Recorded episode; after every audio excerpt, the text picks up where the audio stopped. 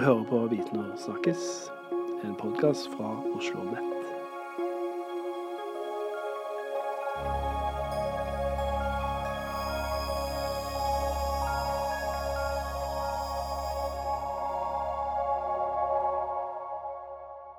Velkommen til en ny episode av Viten og snakkes. Jeg heter Thea Ørneseide og jobber som rådgiver knyttet til satsingen Intelligent helse. Og med meg i studio i dag så har jeg med meg to forskere fra Fakultetet for helsevitenskap. Mari Myrstad og Niklas Karlsson. Har dere lyst til å introdusere dere selv litt? Ja, tusen takk. Ja, jeg heter da Mari Myrstad, og jeg jobber som førsteamanuensis ved Avdeling for ernæring ved Helsevitenskapelig fakultet. Eh, og jeg jobber med, har jobbet med omics-analyser i kostintervensjoner i veldig mange år. Og holder på innen fagfeltet Nutrigenomics. Hyggelig. Velkommen til studio. Takk. Okay. Niklas Karlsson, professor på farmaci. Eh, ganska nyligen rekryterad hit till eh, Oslo Met och eh, jag kommer mitt bakgrund är att vi studerade karbohydrater sedan länge och det var innan fälten blev någonting som hette Omix, utan vi gjorde karbohydratanalyser. Nu heter det glykomik istället. Så bra, velkommen til studio til deg også. Ja, takk så mye, tusen takk. Og I dag så skal vi snakke om eh, noe så spennende som persontilpasset eh, medisin i helsetjenesten, og mer spesifikt denne Omik-teknologien som dere har nevnt allerede. Eh, regjeringen kom jo i februar ut med en eh, revidert strategi for persontilpasset medisin. Og vi kan jo begynne litt der. Altså, hva er persontilpasset medisin? Ja, det, det er jo rett og slett altså den, vi tilpasser eh, behandling i forhold til individets biologi i samspill med omgivelsene. Ja.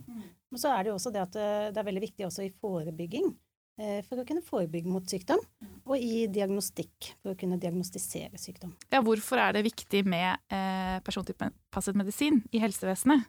Hvorfor er det noe som regjeringen nå har fokus på? Dels så får vi säga att det som vi har tagit lärdom av att vi har gått igenom, historiskt har vi gått igenom medicin där vi satsat på behandling av populationer. Och eh, i viss mån har vi uttömt den möjligheten. Det finns inte längre tro på att vi ska ha en medicin som klarar allt, utan vi må nu gå på nästa nivå av eh, komplexitet och faktiskt se till så att eh, individer får den medicin, som, den behandling som de tränger och då med ökad förståelse av den ja, individens historia, och var de kommer ifrån så att vi, så att vi kan faktiskt få mer anpassad medicin. Så det är väl en del av det hela, att, att det finns ett eh, vi får mer komplexa och komplexa system på grund av att vi kan inte längre bara bota med en typ av molekyler. Sen så tror jag väl också att det har att göra med utveckling av de här biologiska läkemedlen som då har drivit på det hela just gentemot eh, persontillpassade så att vi kan inte, vi måste kunna eh, om du tar ett exempel då, som jag hörde om här, som var aktuellt i Sverige, det här med cystisk fibros, där man använder sig av um, informationen om vilken typ av mutationer de här patienterna har för att anpassa de här medicinerna. Och de här medicinerna är inte billiga, det kostar var det två, över två miljoner per år per patient för att distribuera det här. Så om vi ger de här medicinerna till fel personer så klart att då slösar vi med statens pengar. Ja, vi har mer kunnskap, rett og slett. Så, og da må vi jo benytte denne da, for, til individets beste og til samfunnets beste. Gi mer målrettet behandling. Mm. Ja, for det, det, er jo det som med persontilpasset medisin, sånn som hvis jeg har forstått det riktig, er at det gir en mye mer sånn målrettet behandling, og man sorterer eh, pasienter i under, altså mindre og mindre undergrupper, som gjør at det er større sjanse for at det blir riktig medisin? Er det Og ikke behandle personer med fel medicin som ja. kostar, eh, kostar pengar. Och mm. de, är dyra, de är dyra, de här stora molekylerna som används nu för tiden, allting från antikroppar till rekombinanta proteiner. Mm. Det kostar pengar och det har inte staten råd med att bara ödsla medicin som inte fungerar. Mm. Og så tenker jeg også at Vi blir jo eldre og eldre i samfunnet i dag, og det er jo flere og flere kanskje med kronisk sykdom. da. Etter hvert, så, så vi må jo finne en effektiv måte å behandle folk på, men også forebygge, da. Uh, mm, sånn at vi hindrer at vi blir syke. Mm. Og det kan man da bruke denne kunnskapen som vi nå får, da, mm. til. Jeg så noe tall på det med alderdom. Eh, at det er altså aldersgruppen 80 år og eldre eh, økte med 40 000 personer mellom 2000 og 2020. Eh, og fra 2020 til 2040 så vil denne gruppen øke med 250 000 personer. Så det er jo, vi blir jo veldig mange eldre. Og også, som du sier, da, kronisk sykdom. Vi kan leve bedre med det, og lenger. Eh, så det er jo store utfordringer. Eh. Ja. Det er det. Ja. Uh, ja, nei, da, da, gjelder det å målrette og skreddersy på en bedre måte. Så det kan vi nok tjene på. Hvilke muligheter vil persontilpasset medisin skape? Eller gi, eller Ja, det er vel litt som det vi har snakket om, liksom. Altså, det er det å kunne målrette og kunne ja, gi en bedre behandling. Altså, det, er jo som, det er jo alltid sånn at uh, ikke alle som får en medisin, responderer på den medisinen, sånn som Niklas også sa. Mm. Så, så, det gjelder jo på måte også å finne ut de som responderer, og, og gi, den, altså, gi riktig type medisin til riktig type mennesker. Mm. Mm. Så, så, det er der utfordringen eh, kanskje har vært. Og så har vi eh, data som gjør at vi kan eh, Vi har denne kunnskapen etter hvert. Mm. Og så må vi jo da implementere denne på en god måte da, i helsevesenet. Og det er vi jo litt tilbake til den rapporten. Ja. Kommer alltid tilbake til ja. rapporten. Mm. Men det er jo litt det som, som, du snakker om nå, av data og storskala eh, data, da, som er jo det vi skal snakke om videre nå, som er eh, OMIC-teknologi, som er da et, eh, en metode, vi snakket litt om det tidligere også, men det er en metode for utviklingen av persontilpasset medisin. Og det er bruken av storskala eh, analyser, analysemetoder. Eh, vil dere fortelle litt mer om det, og hva er OMIC? Ja, skal jeg starte litt? Ja. Altså, Omic-analyser det er jo da storskala bioteknologiske metoder som benyttes. Eh, og det er, altså, det er jo litt morsomt med disse endingene. Eh, om og omic. Eh, altså Endelsen om beskriver jo da et komplett biologisk datasett, egentlig. Og dette er jo da biomolekyler som stammer fra kanskje samme individ, eller samme vev, eller samme celletype. Mens omics jo, beskriver jo egentlig eh, analyser av dette komplette eh, datasettet, biologiske datasettet. Og når det er snakk om f.eks. genetiske analyser, så er jo genomanalyse, eller genomet er jo det som da er det biologiske datasettet av alle genene våre. Mens genomics, eller genomic, eller genomikk, mm. er jo da eh, analysene eller studiene av vår genetiske profil. Det har gått litt inflasjon eh, kanskje i disse omic-begrepene, ikke nødvendigvis av disse her tradisjonelle som vi nå har snakket om, men, men man kan gå inn på en sånn side som heter omics.org, og der kan man se hundrevis av slike begreper som er knyttet til ulike biomolekyler i medisinsk forskning. Og det, det er vel de her målingene vi snakker da om genomer som vi, vi har 30 000 eller 20 30 000 gener mm. Som skapar den här mängden utav data som vi då pratar om att vi må kunna analysera. Då har vi databaser där det här samlas upp och sedan använder vi kunstig intelligens och sådana saker för att uh, kunna förstå de här, hur de här uh, datan sammanlignes också. Mm. Ja, ja. finne mønstre, finne relasjoner opp mot sykdom i de ulike datasettene mm. som genereres. Mm. Og er det, en, er det fordi det, Omic-teknologien brukes nå i flere fagfelt? Altså at det utvider et fokus eh, Eh, rundt om også andre fagfelt? Det er vel mest brukt i biomedisinen, vil jeg si, men så har du tilstøtende fagfelt, da, sånn som f.eks. ernæring, hvor jeg kommer fra, hvor vi også bruker eh, omics-teknologi. Uh, eh, og det er jo det fagfeltet som kalles nutrigenomics, så det er også et omics-ord. Men, men, så jeg tror det handler om at altså, det er jo en beskrivelse av studier av et komplett sett av biomolekyler. Og vi har veldig, veldig mange forskjellige biomolekyler som gjør at det har oppstått da ulike undergrupper av omics. Altså metabolom og metabolomics beskriver alle metabolittene. Men så har du da delt det inn i lipidom, lipidomics, glykom, glykomics. Så mange undergrupper av biomolekyler som eh, man har mulighet til å måle, da. Som vil gi nyttig informasjon. Hva slags type nyttig informasjon er det det kan gi? Kan man f.eks. se at altså, hva, uh, har f.eks. syke personer en eller annen form for sykdom, har de en, uh, en, altså, Hvordan ser deres profil ut? Er den forskjellig fra f.eks. For friske personer? Och sen så är det inte bara så att vi ser på skillnader i, i, i någonting vi målar, utan vi vet ju faktiskt om vad de här, oftast de här molekylerna gör, så vi kan koppla det direkt till en, funktionell, en funktion hos, här, hos eh, proteom, proteomet eller genomer, så att vi kan känna liksom, att det är insikt i sjukdomen som sådan också. Det är inte bara en mätpunkt, utan det är faktiskt en, har en biologisk, sam, biologisk sammanhang också. Mm. Ja, det ger oss väldigt mye verdifull kunnskap om sykdom, mm. ja, og utviklingen av sykdom. Mm. Og det kan man da bruke forebyggende og behandlende. Hvorfor er det viktig å ta i bruk omic-teknologi? Jo, for å få all denne kunnskapen, da, øke forståelsen vår eh, av eh, altså, man, altså, livsstilssykdommer, da, for å ta sånn som kreft og hjerte-karsykdom, eh, de er jo veldig komplekse, multifaktorielle. Så det gir oss en mulighet til å forstå det mekanistiske for å kunne målrette behandling og forebygging på en bedre måte.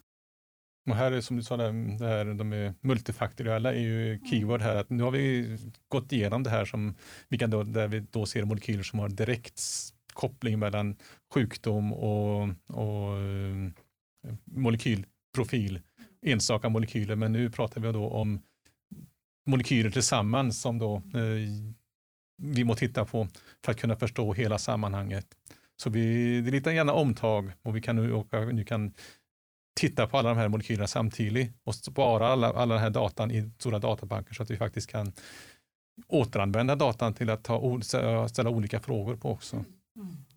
Mm. Spörsmål, ja. Mm. Vi kan rett og slett kombinere datasett fra de ulike OMIC-analysene som man har gjort, og få en uh, mer sånn systemisk tilnærming til det hele.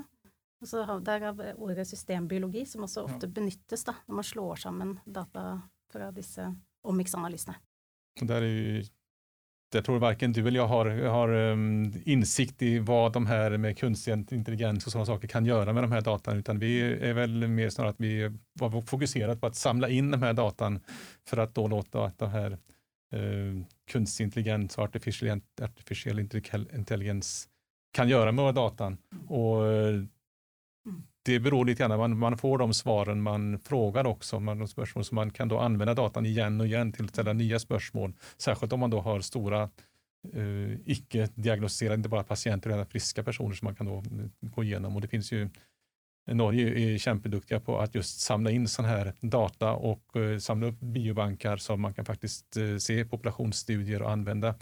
omik på tvärs på olika uh, genomik, proteomik, eh, transkriptomik och sådana saker för att sätta samman det här för att förstå hur de här olika molekylerna sätts samman också och bidrar till sjukdomen. Men jag har ju hört att det är andra land också som har en lite sån, som samlar in mycket data. Eh, ble fortalt en litt sånn morsom historie tidligere. Har du ja. kanskje lyst til å fortelle om ja, den? Jeg kan starte iallfall. Altså, ja. ja, fra Island så ja. har man jo et eh, bioteknologisk firma som heter Decode. Hvor uh, han som startet det i sin tid, han, han var islender. Eh, og eh, i Island så har da dette firmaet Decode de har samlet inn genetisk informasjon fra to tredjedel av den islandske befolkningen. Så de har da samtykket til og gitt sin uh, genetisk profil til dette bioteknologiselskapet. Eh, og det har vært benyttet til da utviklingen av, uh, utvikling av medisiner, og til å skjønne genetisk risiko for utviklingen av sykdom. Så det har gitt, eh, altså, da har den islandske populasjonen bidratt veldig til uh, mye verdifull kunnskap, som kommer oss andre til nytte. da. Uh, og, der, og, dette har de gjort uh, samtykket om og til. Uh, og det er en stor positivitet på Island rundt det å, det, å, ha sin genetiske profil i en database. Da. Mm. Så det er litt morsomt. Og så har jo da dette firmaet Eh, komme tilbake igjen med noe til den islandske befolkningen. For de har da eh, samlet alt, all informasjon i en database. Eh, så, som de har gitt tilbake til befolkningen. Så nå kan befolkningen selv da eh, gå inn og google og finne eh, sin, altså sine slektninger. Så, og hvem du da dater, om du er i slekt ja, Så det ble kalt en dating-app, sånn for å være morsom, men ja.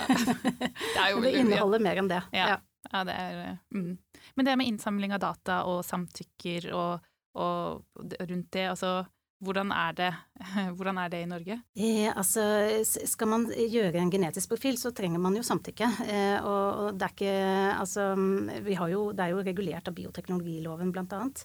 Det å gjøre en genetisk profil eh, knyttet opp til syke personer, det er sånn som en lege kan foreskrive å gjøre. Men, eh, men det er ikke for alle eh, å, å, få sin genetiske profil sekvensert her i Norge. Hvis ikke det er grunnlag for det. Eh, men så har man jo en del firmaer, sånn som MyHeritage bl.a., eh, som opererer fra andre land hvor det ikke er regulert på samme måte. Mm. Og, de holder gjerne til i USA eller i Asia. Mm. Så, og det er jo mange som har benyttet seg av den muligheten. Eh, ja. og, og, det koster ikke mye, og det tar ikke lang tid. Eh, og så får man da Så blir da denne Altså denne, denne genetiske profilen blir jo da lagret. Eh, og kan også, du kan også samtykke til at den blir brukt på en annen måte enn en bare informasjon til deg selv. Da. Det finns ju ett uh, fall i Sverige i alla fall här, här i året där de lyckades att spåra en mördare ja. med hjälp av cold, cold case, med hjälp av att de hade DNA men de visste inte, uh, den här personen fanns inte i några register men de lyckades spåra med hjälp av de här registren faktiskt ner till vem den här personen var, ner på personnivå med hjälp av de här mm. MyHeritage och de här släktdatabaserna ja. som fanns där. Så där lyfter det här med etiska spörsmål, vad mycket kan man bruka de här databaserna till? Mm. Och eh, naturligtvis så jag kan misstänka att den här mördaren inte var särskilt förnöjd med att den brukade sig där i alla fall. Han ångrar säkert. ja.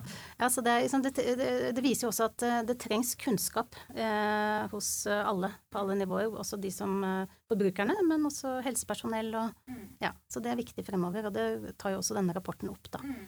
Viktigheten av eh, å øke kunnskap rundt uh, temaet persontilpasset medisin og omikteknologi. Och jag, jag, tror väl också, det som pratar om framtiden, så tror jag att eh, folk kommer vara mycket mer molekylärt intresserade på grund av det här mm. med eh, möjligheterna och eh, problemen, etiska problemen med just det här att samla upp sin data. För vilka etiska, alltså, vilka etiska problem är det med det? Ja, altså En ting er at du kan, jo, du kan jo kanskje se at du har en genetisk risiko for å utvikle en sykdom, men så er det ikke sikkert at du utvikler den. For det er mange andre faktorer som påvirker det. Mm.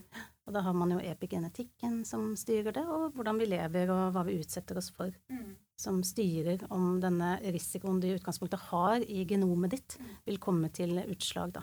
Eller vil vise seg i form av sykdom. Vi er jo et offer for både arv og miljø så bara för att vi har det i arvet så innebär det inte att eh, vi har rätt miljö för att det ska få en konsekvens. Mm. Så det är väl ett problem och det tror jag tar upp, upp i den här rapporten också, just det här riskbedömningar, den här typen av eh, riskbedömning, ingenting som vi gärna vill ägna oss åt, utan det ska vara faktiska data snarare. Så spørsmålet blir på en måte om man ska ge patienten den informasjonen, da, til, altså det er mulig du blir syk, eller får denne sykdommen om noen år, eller det er, altså, det er det som er spørsmålet. Du må ha god veiledning når du gir den informasjonen. Ja, ikke sant. Eh, og så det, tenker Jeg også at eh, altså jeg kan velge å ta en genetisk analyse og finne ut at jeg har en risiko, men jeg har ikke lov å fortelle det videre til mine barn hvis ikke de uh, har lyst til å vite det.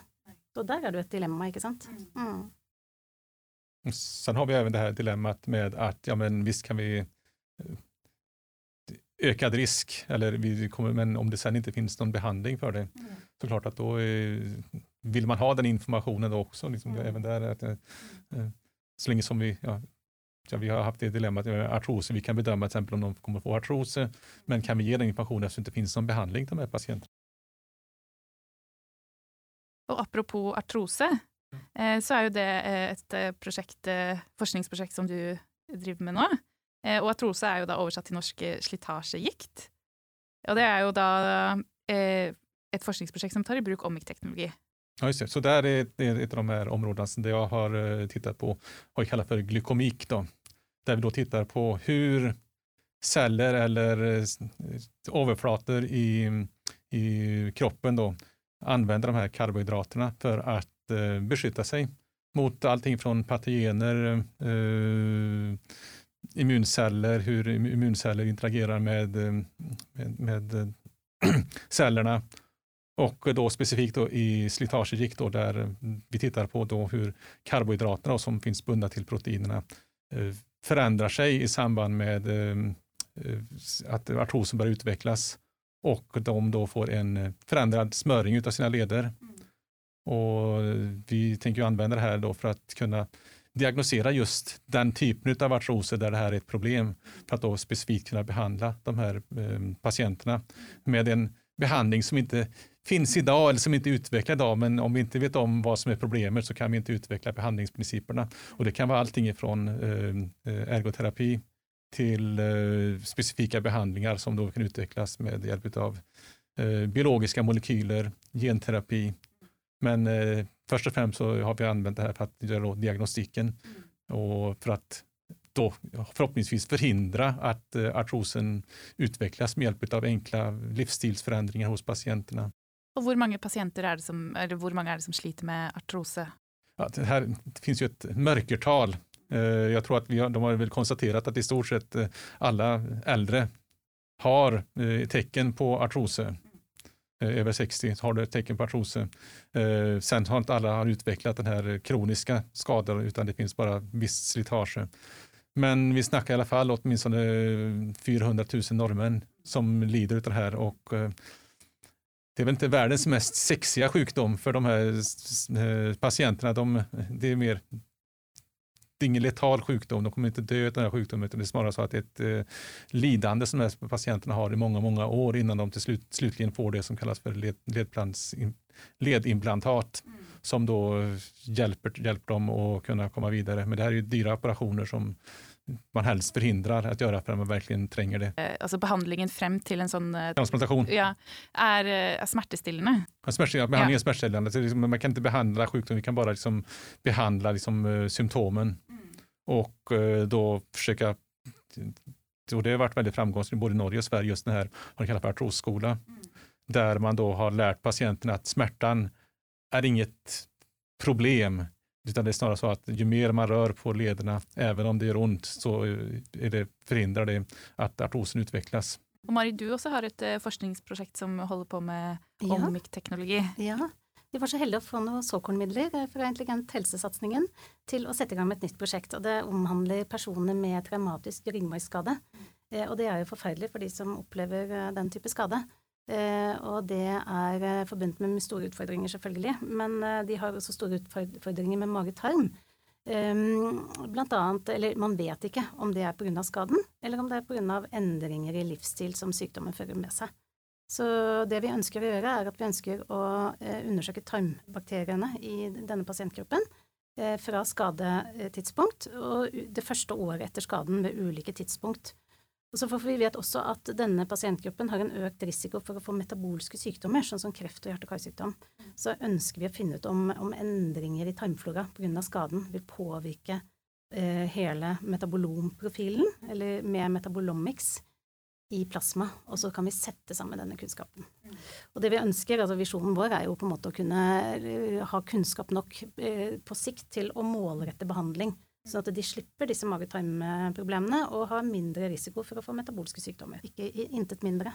Intet mindre enn det. Men tänker ni eh, livsstilsförändringar i sådana fall eller, eller kost?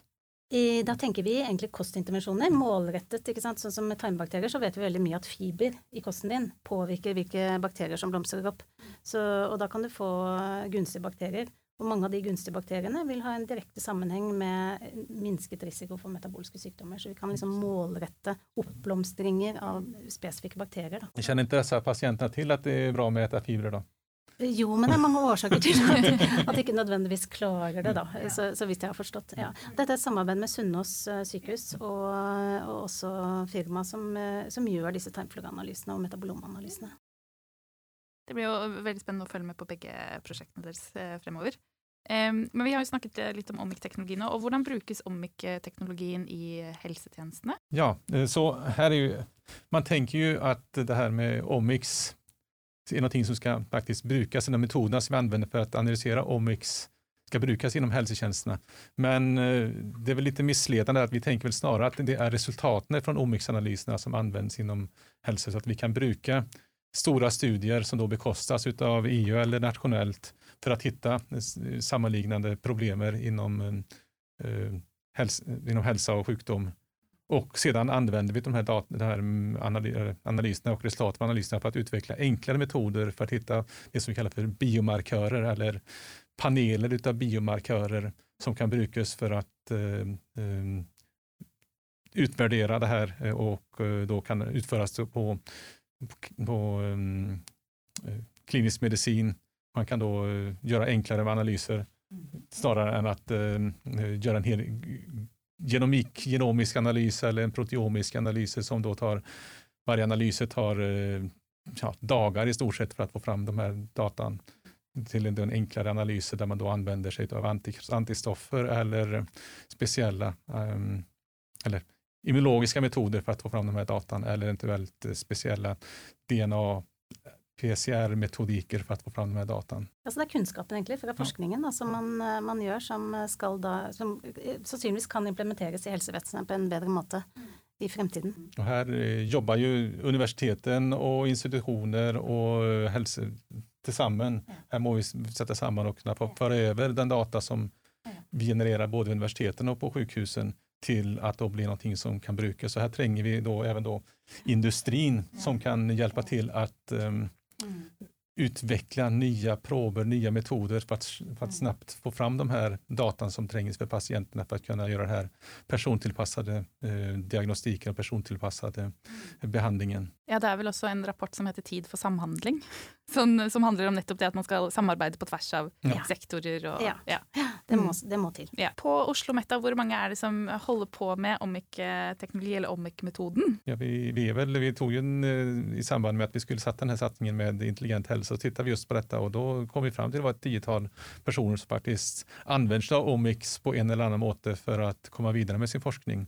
Och eh, då är det väl först och främst att de, som ehm, Marie sa här också, att vi använder oss av de här, de här um, infrastrukturen som finns i Norge för att få fram de här data. Vi kanske inte gör de här analyserna själva utan vi skickar iväg våra eh, pröver till de här um, infrastrukturer och, och sådana saker. Allting från proteomik till gensekvenering, sådana saker som finns och kan då få tillbaka de här datan i samband med detta.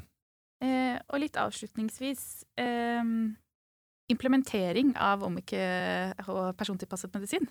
Er det, hvordan er det? Hvis du tenker i helsevesenet? Ja, altså, ja, det er jo det store spørsmålet, da. Eh, om eh, hvordan eh, For det innebærer eh, veldig mye data. Store mengder data eh, sett fra ett individ. Og det er eh, forholdsvis dyrt. Eh, Så det er vel ikke meningen, sånn som Niklas også sa i stad, at man eh, gjør dette i helsevesenet, men man må implementere eh, Man må få, klare å utvikle, og, og, um, utvikle paneler, for eksempel, som kan benyttes da, til behandling og, og forebygging og diagnostikk. Og så krever det sannsynligvis veldig mye kunnskap, bl.a. av helsepersonell og mottakere, for de som er mottakere av persontilpasset medisinske strategier. Så det må nok inn i utdanninger. Ja. Mhm. Og implementeres på den måten.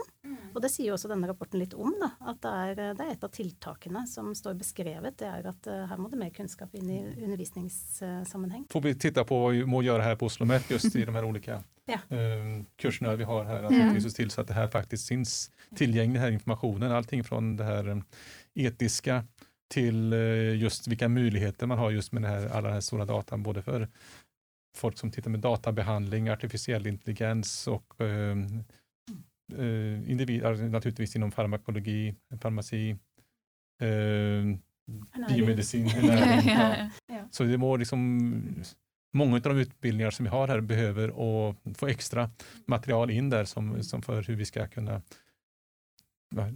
möta det här utfordringen från regeringen med den här, den här satsningen. Men da står vi jo sterkt her på Oslo Met, siden vi har, en, eh, har ganske mange personer som har kompetansen. Ja, Ja. absolutt. Så det er en fordel. Ja, og hvilke visjoner har dere for eh, Altså med de utfordringene vi kjenner til da, i helsevesenet, hvilke, hvilke visjoner har dere, ser dere for, hvordan ser dere for dere helsevesenet i fremtiden?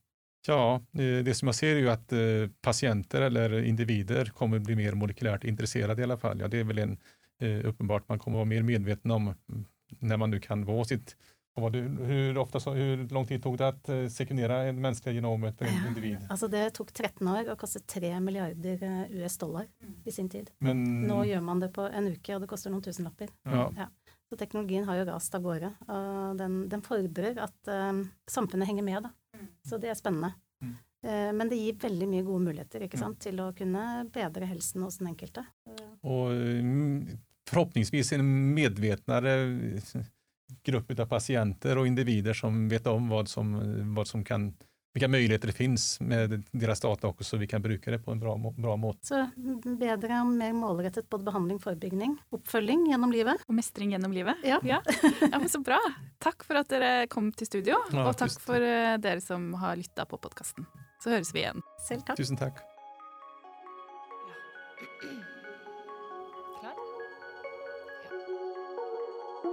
Du hører på Viten og snakkes, en podkast fra Oslo Nett.